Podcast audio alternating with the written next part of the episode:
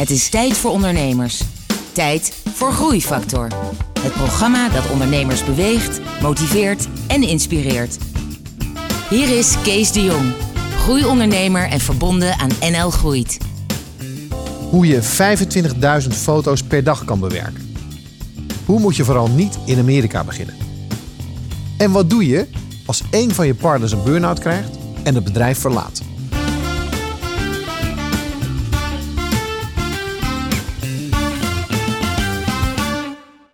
Hallo en welkom bij een nieuwe aflevering van Groeifactor. Het programma dat ondernemers beweegt, motiveert en inspireert. Met een openhartig gesprek met een inspirerende ondernemer. En vandaag is dat David Jonkers. David, welkom. Dankjewel. We gaan het hebben over je hoogtepunten, over je dieptepunten, je ondernemersreis, hoe je daarmee om bent gegaan. Dat allemaal straks. Eerst D-Fast met Hero Dead and Gone.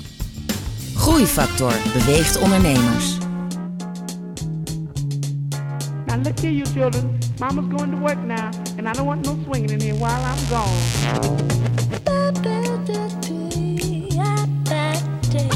Mama don't allow no swinging in here. All right, we'll tell him, Mom.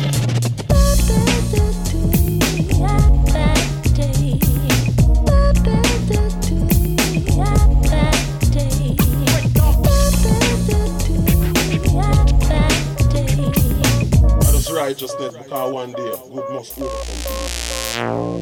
Mama said no swinging in here, I ain't scared. Cause swinging never hurt as long as you prepared.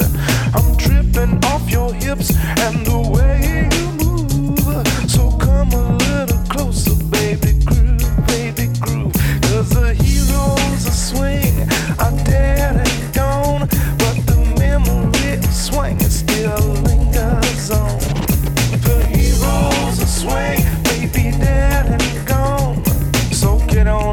and swing your thing. Listen while I sing.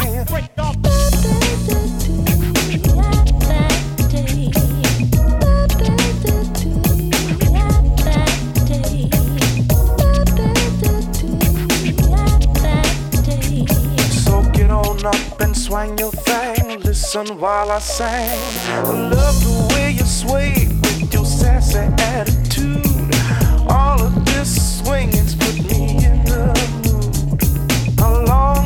Time ago, swinging was taboo. I'm glad we're here and now, so we can do I do.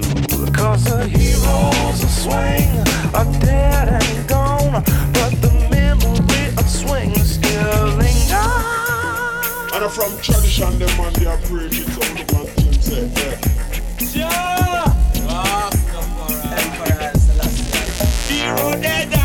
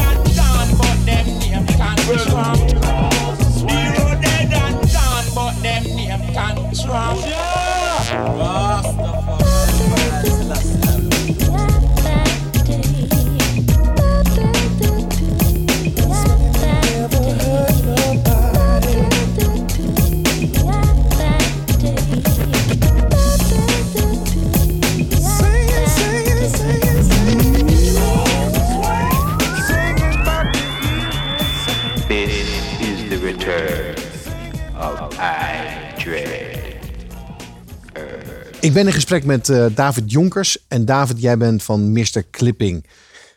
Je, je moet zelf even uitleggen wat dat is, alsjeblieft. We zijn een eh, grafisch outsourcing bedrijf. We hebben een paar honderd eh, grafisch vormgevers in dienst die ehm, eh, zorg dragen voor de nabewerking van professionele productfoto's. Een productfoto is nooit klaar als die uit de camera komt. Daar is altijd nog eh, eh, nabewerking in beeldbewerkingssoftware voor nodig. En eh, wij leveren de professionals die dat kunnen eh, verzorgen. En dan, dan jouw klanten zijn bedrijven. Ja. En zij hebben dan een, een, een, een bibliotheek met foto's. En jullie bewerken die dan. En je gaf al aan, net even in het voorgesprek, je hebt 740 man eh, ergens in Azië zitten die dat dan naast die beeldbewerkingssoftware, die dat dan ook handmatig bewerken. Ja, precies. Ja, het is, wij werken voor ehm, eh, nou ja, verschillende types bedrijven, met name eh, retailers, eh, veel e-commerce bedrijven, eh, veel producenten, modemerken bijvoorbeeld. Ehm, en natuurlijk ook voor hun grafische toeleveranciers. Die bedrijven die maken heel veel foto's. Sommige tot eh 1000, 1500 beelden op, per werkdag. Ehm, die beelden die ehm, worden eigenlijk via onze, via onze infrastructuur eh, verspreid over onze eh, productielocaties in, eh, in Azië. Ehm, daar wordt de beeldbewerking gedaan. Hè? En dat is dus wat onze mensen doen, is vooral ehm, het bedienen van de software. Ik krijg natuurlijk veel de vraag van, hè, kun je dat niet automatiseren? Ehm, wij bieden de geautomatiseerde oplossing. Alleen die beeldbewerkingssoftware heeft een operator nodig. Die gewoon precies in een foto aangeeft welke bewerking op welke plek moet worden uitgevoerd.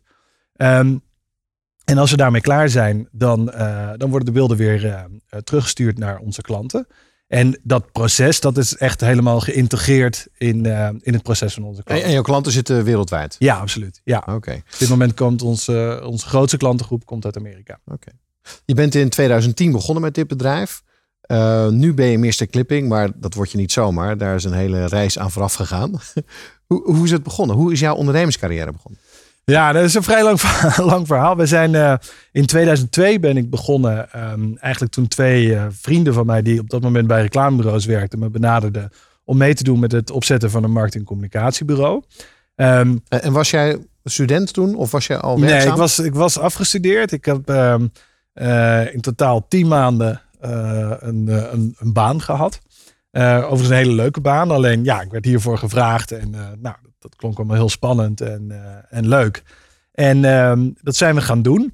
Dat was in die beginjaren echt best wel kneuterig eigenlijk. We waren een markt- en communicatiebureau, maar de, de- hoe oud waren we? 5, 26. Dus echt strategisch advies namen mensen nou niet bepaald van ons aan.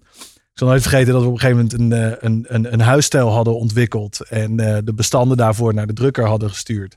En dat die drukker ons opbelde eh, met de boodschap of de vraag eigenlijk. Op de plek waar jullie nu het logo van je klant hebben gezet eh, op de envelop. Daar plakken mensen doorgaans de postzegel. Dus dat, dat, dat was toch niet zo, niet zo heel professioneel. Ehm, we zijn toen eigenlijk gaan, gaan zoeken naar een stukje onderscheidend vermogen. En dat hebben we gevonden in eh, het geautomatiseerd opmaken van publicaties. Met name catalogie. Hè, dat was in, in, in 2002. Nu klinkt dat heel, eh, heel, heel simpel. Maar in 2002 was dat best nieuw. Was het een hot en sexy eh, ja, precies. sector? Ja. ja. Dus, en dat, dat was dan gewoon echt een database met productfoto's en productinformatie. Die we koppelden aan een pagina template. En zo konden we een soort van semi-geautomatiseerd catalogie opmaken. Nou ja, zo liepen we aan tegen klanten met heel veel producten. En dus met heel veel productfoto's. En, Dat ehm, was al de aanzet tot wat ja, je nu hebt precies. met Mr. Clipping. Ja, ja we, zijn dus de, we zijn dus de eerste jaren daarmee mee gewoon aan de slag gegaan in onze studio hier. En dan hadden we mensen in dienst van het Grafisch Lyceum die vier jaar hadden geleerd om mooie dingen te maken. En die het idee hadden dat ze, dat ze, dat ze art director of vormgever voor spannende merken werden. Die zaten eigenlijk de hele dag eh, repeterend werk te doen. Eh, de, het uitknippen van objecten in foto's, Ja. kleuren op te poetsen, dat soort werk. En die vonden dat niet zo spannend. Onze klanten vonden het niet zo leuk om daar eh, Nederlandse uurtarieven voor te betalen. En zo zijn we dus tegen dat outsourcing model eh, eh, aangelopen. En eigenlijk van lieverlee ehm, ehm, is dat gegroeid tot onze eerste, tot onze eerste focus. Ja. Dat heeft jaren geduurd. En je zei 2010, we hebben geloof ik in 2006 het bedrijf ingeschreven. Maar het heeft gewoon jaren, was het een idee eigenlijk. Waar we niet zoveel mee deden.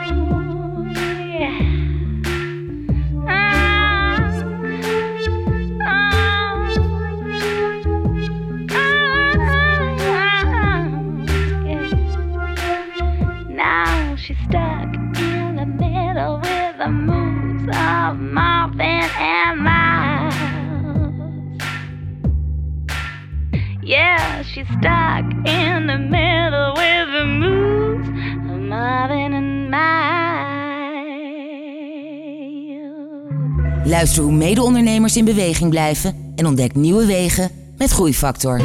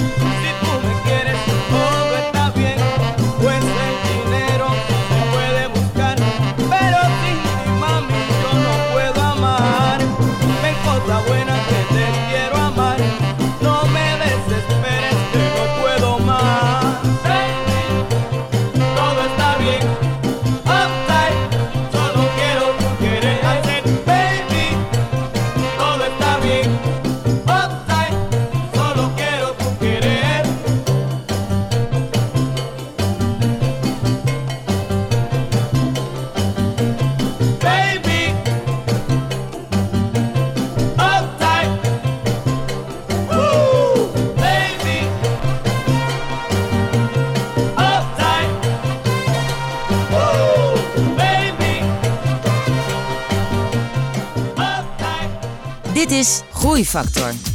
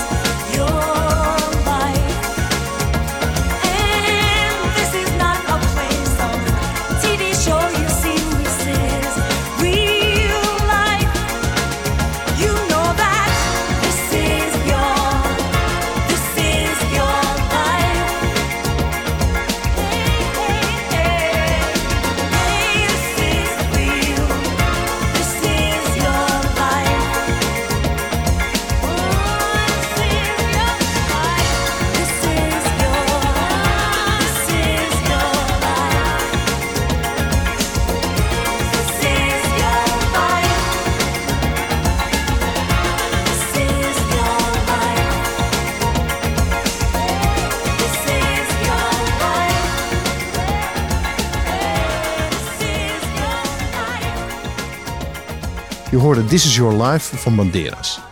Ik zit hier op de bank met eh, David Jonkers. Die eerste jaren heb je dus van alles gedaan met dat, met dat bureautje. Dat waren jouw eerste schreden op het ondernemerspad. Ja. Hoe, hoe beviel dat?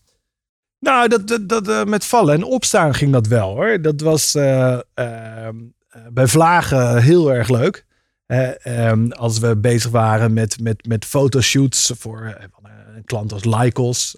Dat was toen Ja, een sexy een- een- een internet hippe- ja, En eh, daar hebben we heel veel voor gedaan. En dat was, eh, dat was heel erg leuk.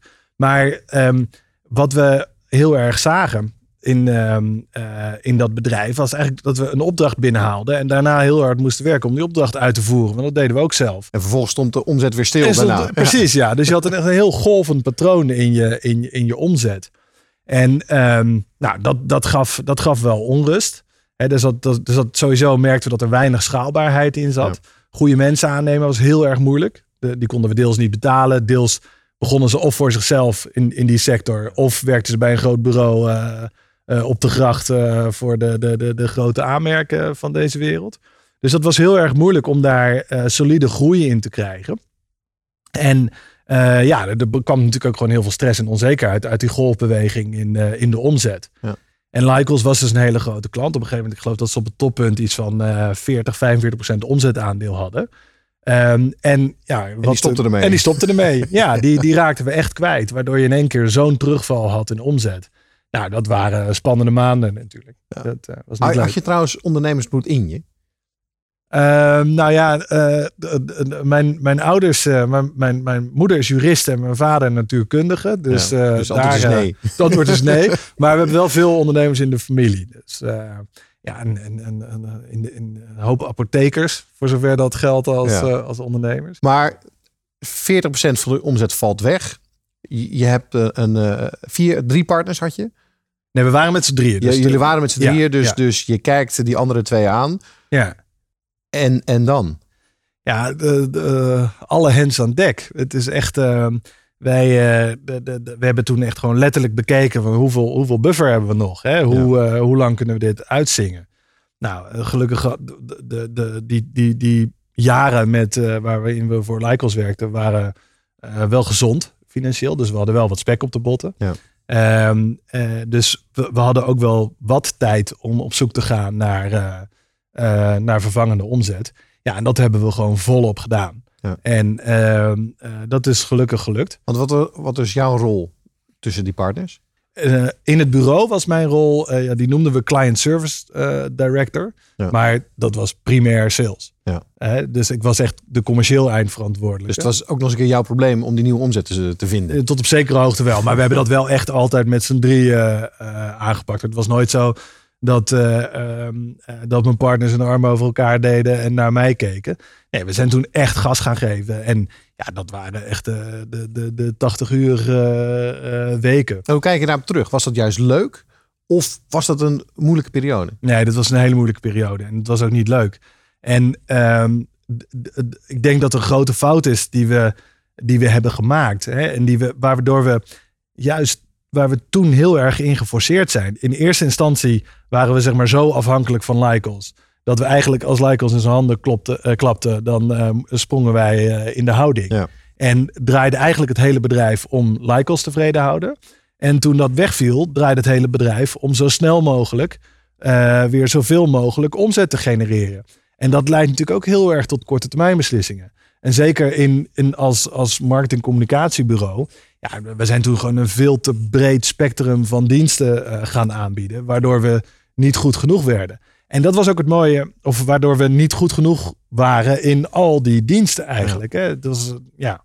Ehm, Dus eigenlijk een belangrijke strategische fout gemaakt. Ja, in wezen wel. dan, je moest iets doen om te overleven. Ja, je, je, je werd geforceerd eigenlijk door eh, het gebrek aan omzet om gewoon een soort van pakken wat je pakken kan beleid te voeren. Nou, ik, daar gaan we straks verder over praten. Naar hoe die keuzes uiteindelijk hebben uitgepakt. Eerst muziek van Bossa Kukanova en Adriana.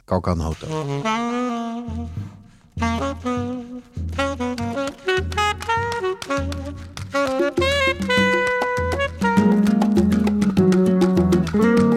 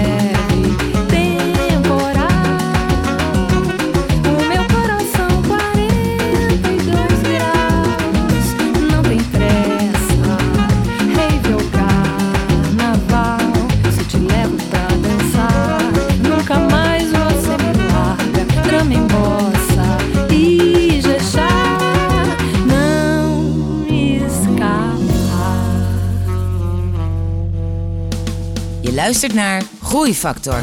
Openhartige gesprekken met inspirerende ondernemers. Groeifactor beweegt ondernemers.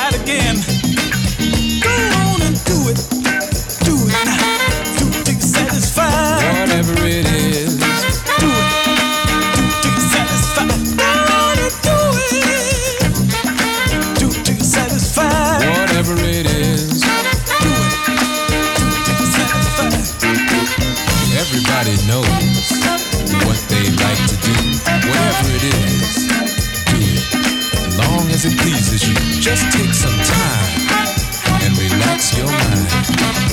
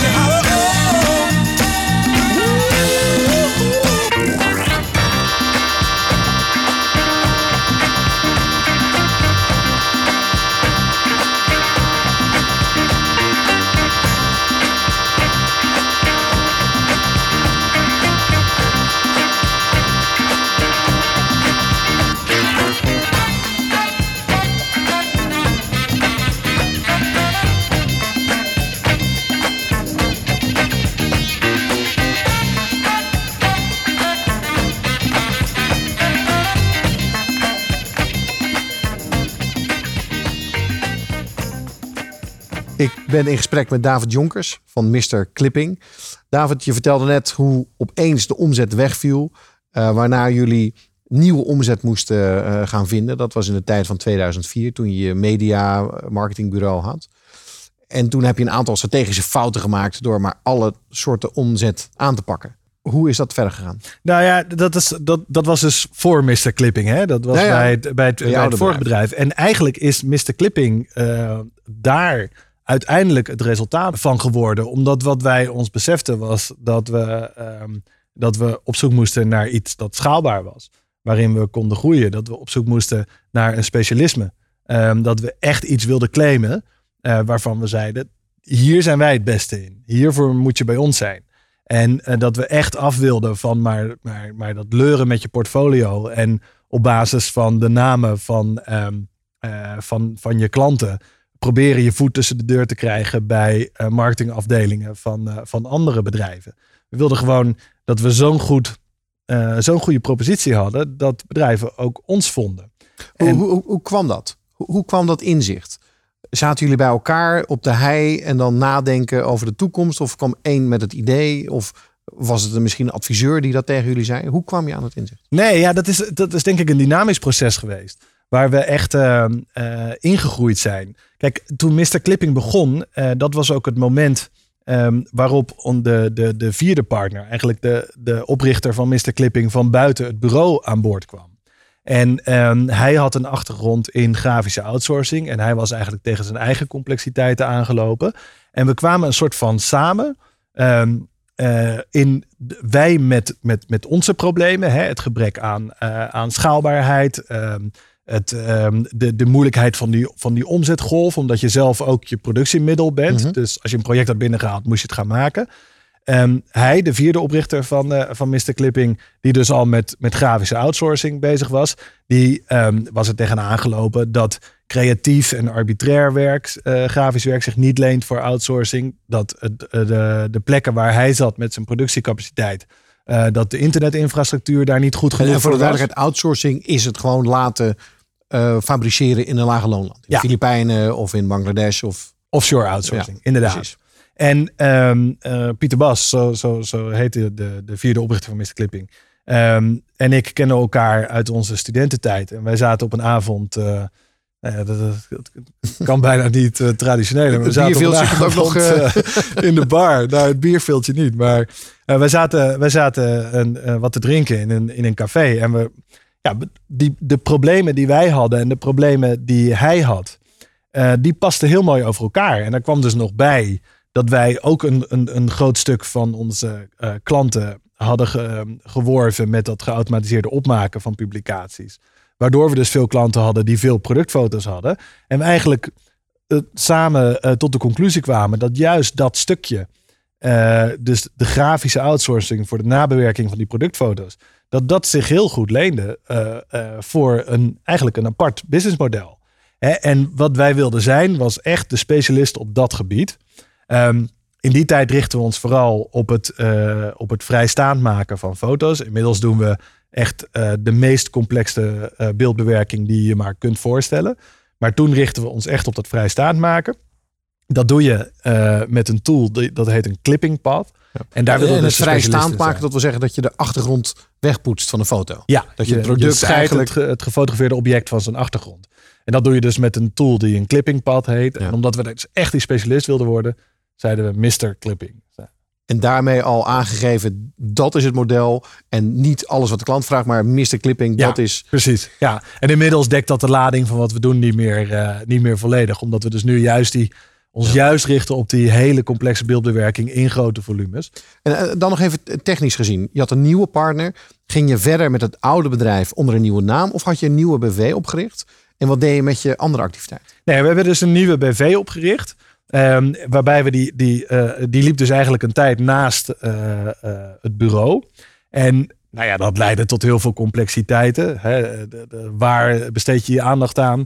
Ehm, ga je bouwen aan iets nieuws of steek je je vingers in de dijk eh, ehm, in, het, eh, in het bestaande Ja. eh, bureau? Hoe, heeft ook met energie te maken, denk ik. Waar, word je blij van? Waar word je, precies, waar word je blij van? Maar, maar ook waar, wat betaalt op dat moment de rekening. Hè? Dus dat, is, dat is echt een spanningsveld. En je kunt je voorstellen dat het bureau eh, die rekening betaalde en ik blij werd van Mr. Clipping. Ja. Dus dat die. Dit is wel een universeel probleem overigens, wat heel veel ondernemers hebben.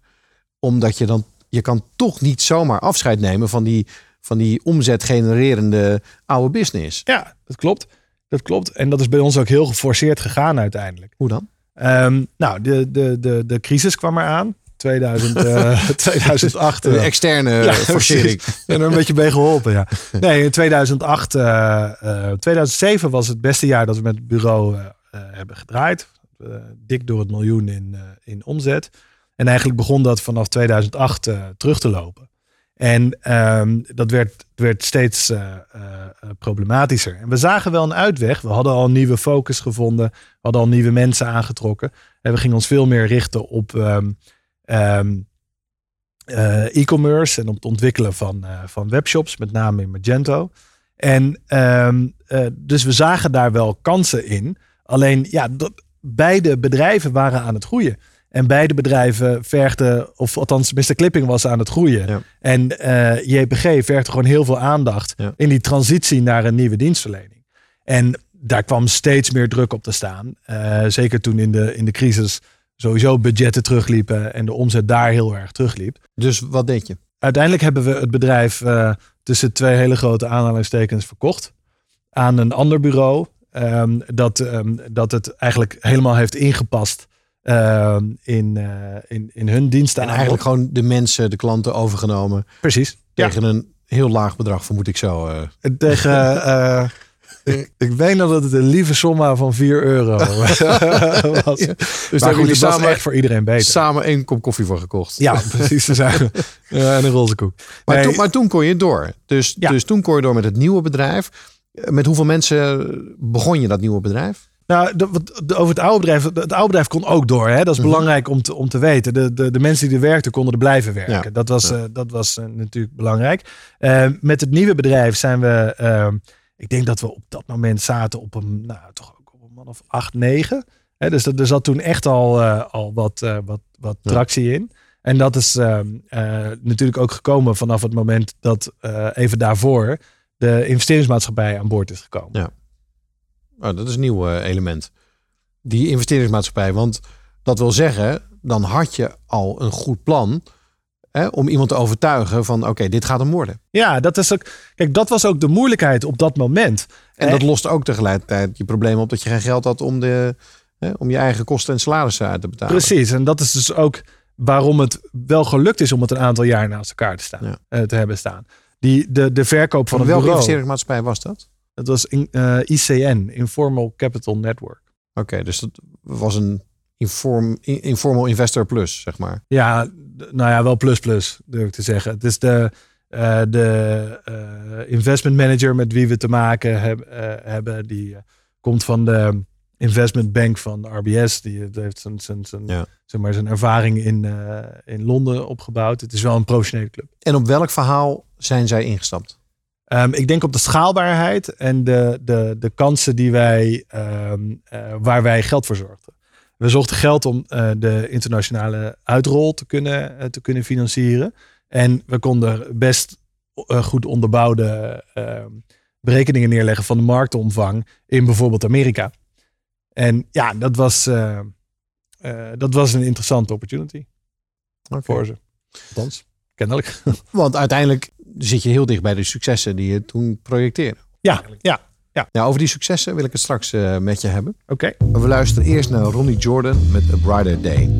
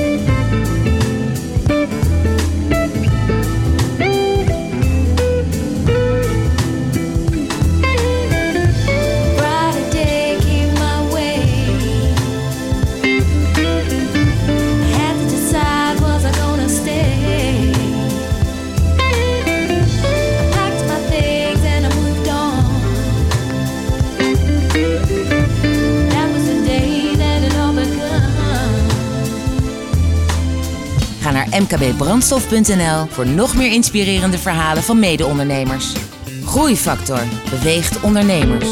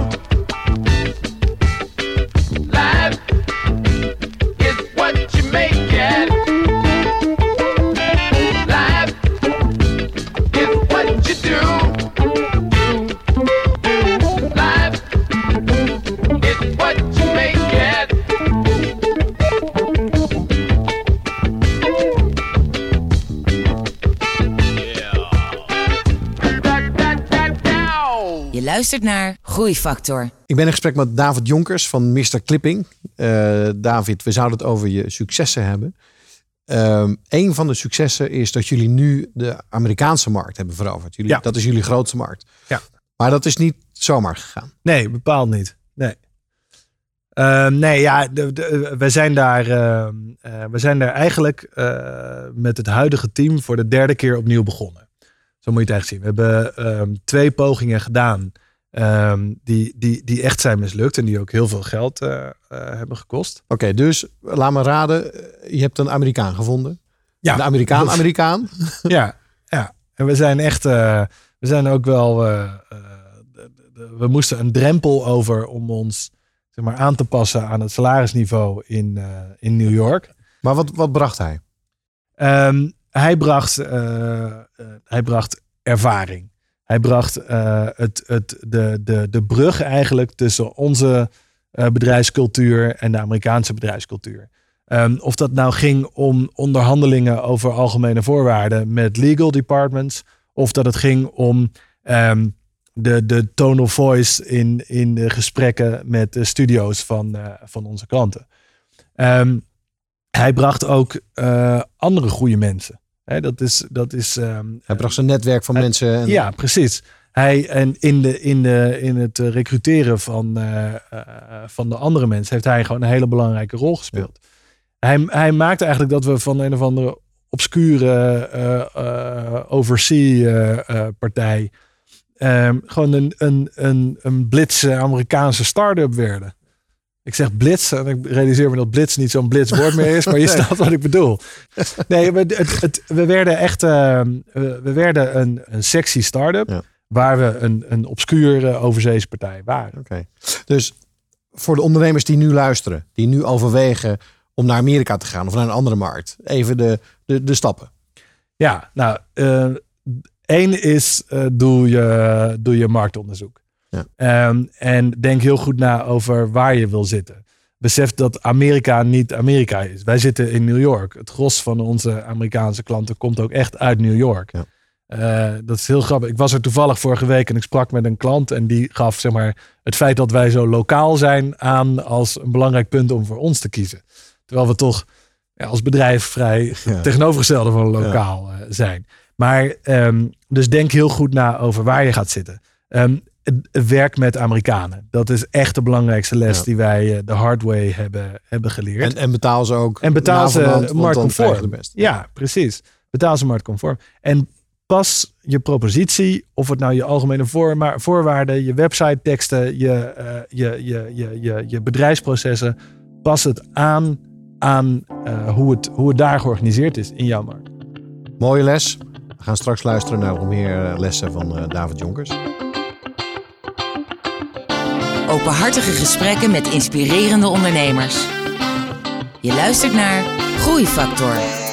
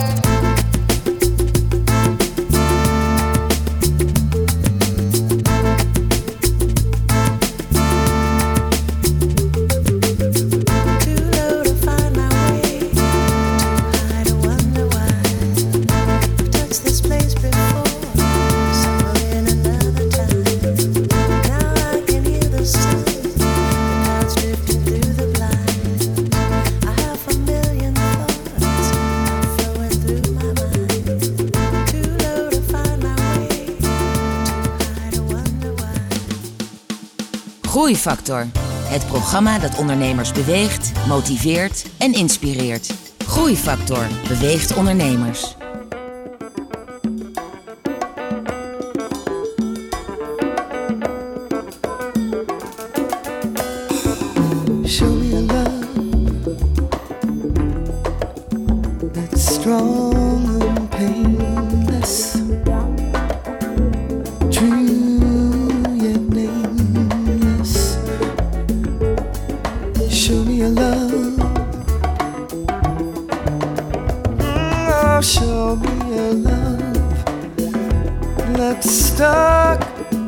And steady mm,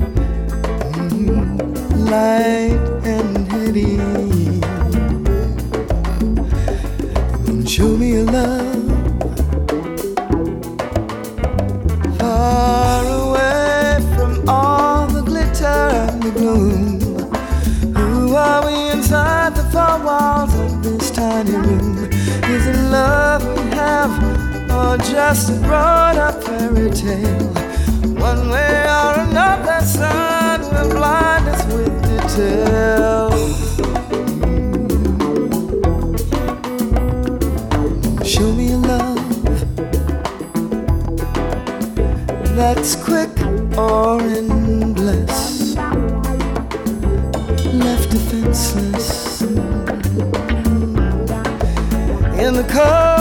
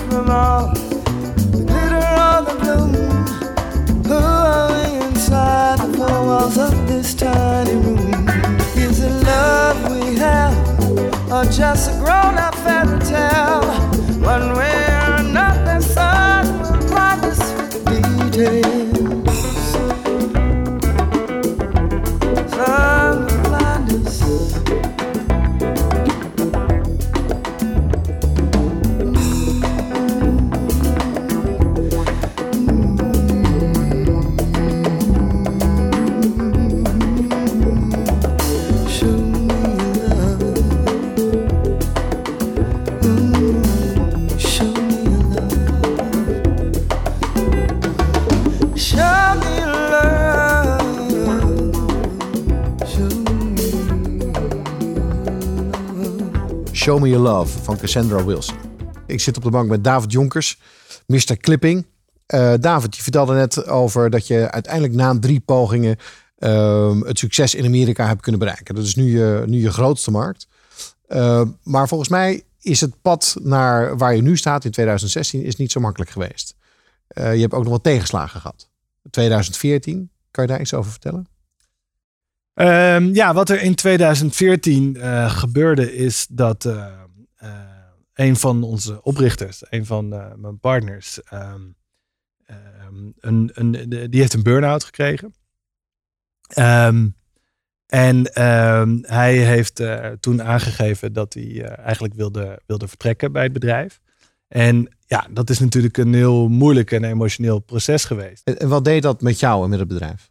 Nou ja, kijk, dat is, dat is eh, voor, het, eh, eh, voor het team is dat natuurlijk heel ingrijpend. Je hebt, we, we waren met z'n vieren als, als oprichters. En op dat moment vormde ook met z'n vieren de directie natuurlijk. En ehm, de teamdynamiek wijzigt dan heel sterk. En ehm, eh, dat, dat, dat heeft best wat tijd gekost om daar weer een nieuwe, nieuwe balans in te vinden. En om te komen tot de juiste nieuwe rolverdeling. Omdat het natuurlijk gewoon een, eh, ja, een fulltime directielid Ja. eh, niet En- meer en niet een meer vriend ook van je. En een vriend, ja. Ja. ja. En hij is uit het bedrijf gegaan. Ja. En heeft dat impact gehad op de groei ook?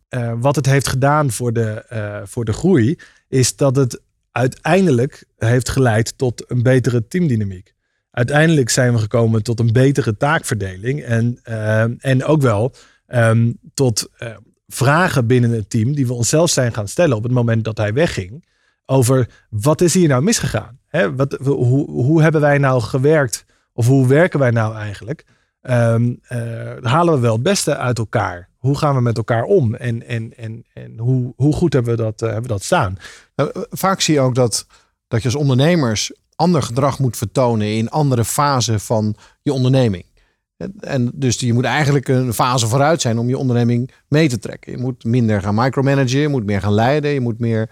Was dat ook onderdeel van, van die fase? Dat jullie eigenlijk jezelf opnieuw moesten uitvinden? Precies. Ja, kijk, hij, hij, ehm, eh, wat- er gebeurde was, eh, wat het inzicht dat wij kregen, was dat de werkdruk gewoon heel erg hoog was.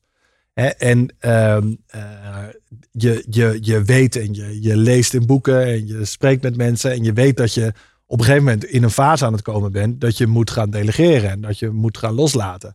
En dat probeer je naar eer en geweten, maar dat is gewoon dat is moeilijker, eh, dat is moeilijker eh, in, in de praktijk te brengen dan dat het is om je dat voor Ja. te nemen. En eigenlijk is ehm, eh, wat er toen gebeurde met hem een wake-up call geweest voor ons, dat dat echt nodig was. En wat heb je veranderd sindsdien? We zijn st- veel eh, structureler gaan eh, de taken gaan verdelen. Veel structureler de taken ook gaan verdelen aan, aan de rest van het team. Aan de mensen die voor ons werkten.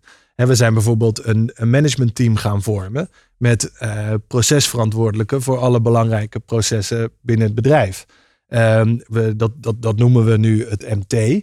En waar het vroeger eigenlijk altijd was dat we met, eh, met de directie eh, vergaderden, hebben we nu ook gewoon eh, de, de, de, de vaste maandelijkse vergaderingen met het hele managementteam.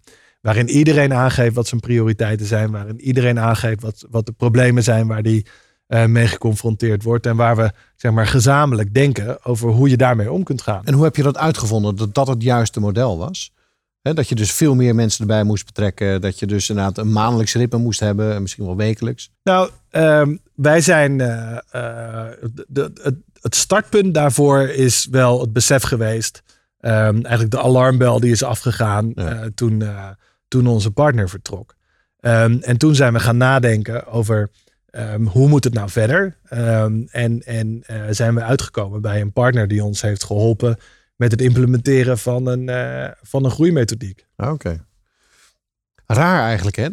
Dat het eerst mis moet gaan. Ja, ja, ja. Nou ja, goed. dat- dat- dat- eh, Kijk, achteraf zijn er heel veel signalen geweest. En, en hebben we, hadden we dit veel eerder moeten, moeten signaleren. Dat is ook echt iets wat, eh, wat we onszelf kwalijk nemen. Ehm, maar ja, achteraf is, is makkelijk praten. Ja. Maar het moet vaak als ondernemer moet het je eerst overkomen zijn. En de volgende keer herken je het. En dan zie je wat er aan de hand is. Ja. Eh, Meestal als je iemand hebt aan de buitenkant van de organisatie, een adviseur of misschien ook wel zo'n zo'n investeerder of misschien een, een mentor, die, die signaleert dat. Heb jij dat niet gehad? Nou, de, de, de, de investeerder is daar, eh, heeft daar een hele belangrijke rol in gespeeld. Kijk, die kan natuurlijk niet echt een mentor of een coach zijn, omdat hij ehm, Belangen heeft. Omdat hij een Ja, belang ja. heeft. Hè? Hij, is, hij is niet belangeloos. Maar hij heeft wel echt altijd heel bewust die rol gezocht. En ehm, nou ja, bijvoorbeeld in dat voorbeeld waar we het net over hadden, bij die derde poging om in Amerika eh, eh, nog een keer eh, te starten. Waar hij afhankelijk niet enthousiast over is, heeft hij ons eh, over was, heeft hij ons wel de ruimte gegeven om dat, om dat te doen. Ja. Dus hij heeft eigenlijk altijd die, die rol gepakt. Op dat moment had ik niet echt een, een, een coach. Ja. Heb je nu een coach? Ja, ik heb nu een, een coach. Oké. Ja. En, en hoe werkt dat? Wat voor interactie heb je met hem? Met haar. Oh. Het is een vrouw. Eh, ik, heb, eh, ik, ik, eh, ik spreek, nou, ik denk één keer in de, in de zes weken eh, met haar. Eigenlijk op een, op een hele ehm, informele en, en, en niet gestructureerde manier. Het is niet dat we nou een bepaald proces of format aanhouden. Eigenlijk is het startpunt eh, eh, dat ze altijd vraagt hoe het gaat. En eh, eh, dat ik eh, juist ook wel omdat ik bij haar ben als, als, als, of met haar spreek als mijn coach. Dat ik daardoor ook heel direct ter zake kom eigenlijk over ja, welke knelpunten ik op dat moment heb. En eigenlijk is haar rol, zij stelt vragen. Het is niet zo dat ze, dat ze voorkoudt wat ik... eh, wat zij nou denkt dat ik moet doen. Of, of zegt, eh, oh zit je daar en daar, nou dan moet je nu zus en zo en hier en daar. En Dat zeggen ze wel eens, hè? dat een coach eigenlijk gewoon een vraag stelt op, eh, en jezelf de antwoorden laat geven Ja, op je eigen ja, vragen. ja. Is het zo simpel? Nou ja, de- ik, de- ja zo simpel. Maar ik denk niet dat het zo simpel is om de juiste vraag te stellen. Dat is misschien wel het moeilijkste wat er is. Maar eh, voor, voor mijn coach en mij werkt het in ieder geval zo. Wat voor ondernemer jij ook bent, je zet je eigen stip aan de horizon. Een idee, een ideaal, een ambitie. Groeifactor helpt je daarbij, zodat je persoonlijk en zakelijk vooruit kunt. Groeifactor beweegt ondernemers.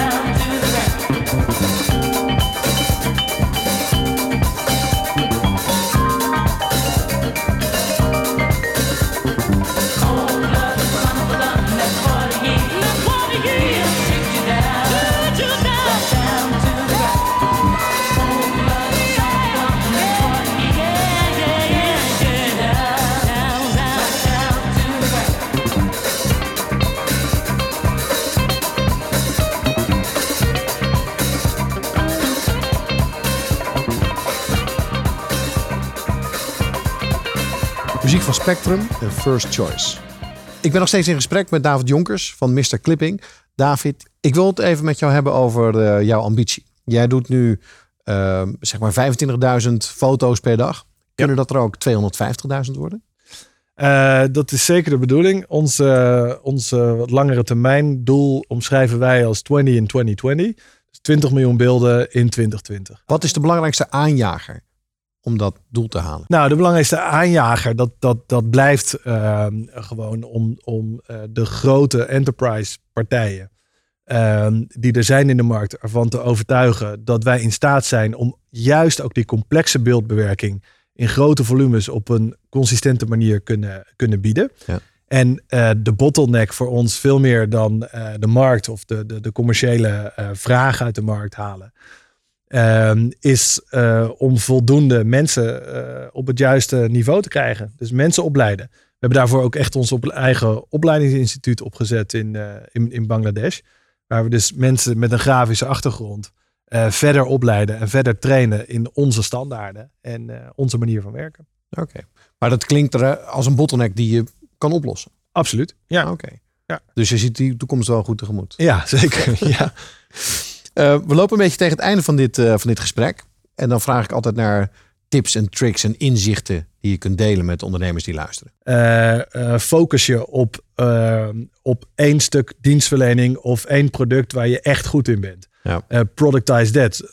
dat. Dat gerommel in het begin, uiteindelijk precies, laat dat los. kiezen dat je kan schalen. Dat je, waar, wat je schaalbaar krijgt en waar je echt goed in bent. Stop dat in een doos. En neem afscheid van die omzet zo snel mogelijk. Precies, Ja. dat, dat pakken wat je pakken kan beleid is Ja. echt verkeerd. Dat is één, dat is tip één. Tip twee is als je wil groeien zul je moeten delegeren. Zul je ook de dingen waar je wel de beste in bent aan anderen moeten overlaten. En als dat En het symptoom is dat je te hard werkt. Precies. Ja. Als, je, eh, de, de, als je echt naar die, door, die, door die 60, 70 uur heen gaat, dan gaat het echt niet goed. Dat is gewoon niet de bedoeling. Tip En, 3. Eh, eh, tip 3 is eh, hoe, hoe, hoe plat die misschien ook klinkt. eh, kijk naar die cash. Kijk naar gewoon hoe je de dingen, hoe je de simpele stapjes die je kunt zetten om meer cash te genereren. Want uiteindelijk is het zo dat een tekort aan cash je dwingt korte termijn beslissingen te nemen. Dat dwingt je, als er geen geld is, dwingt het je om omzet te accepteren die, waarvan je eigenlijk weet, dit past zo niet bij ons, niet in ons proces. Eh, dit zorgt alleen maar voor hoofdpijn. Ja. Maar je moet het wel accepteren, want je hebt het geld gewoon nodig. Ja. Dus eh, Tip 4, die kwam ook nog een beetje langs zij. Ik vul hem alvast voor je in. Die coach en die mentor. Ja. eh, die je als ondernemer verder kan helpen. ja, ja, nou ja, praat met een coach. Praat met iemand die er, eh, die er echt goed in is om jou de juiste vragen te stellen. Omdat die je gaat helpen jezelf eh, eh, eh, echt te ontwikkelen. En het Ja. beste uit, je, uit jezelf te halen. En dan doen we tip 5 als, eh, als afsluiter. De is bonus tip. Blijf leren en, eh, en, en, en lees. Lees over je gebied. Lees over, eh, over hoe je een bedrijf laat groeien. En zorg dat je continu blijft leren. Ja. Nou, David, ik vond het een, een mooi gesprek. En hopelijk horen andere ondernemers dit ook. En denken van ja, godverdorie, dat, dat heb ik ook. Zo'n enorme uitzondering ben je niet. Ik wil je enorm bedanken voor dit gesprek, David. Eh, allemaal bedankt voor het luisteren naar Groeifactor. Voor nu nog een fijne dag en graag tot de volgende keer. Ga naar mkbbrandstof.nl voor nog meer inspirerende verhalen van mede-ondernemers. Groeifactor beweegt ondernemers.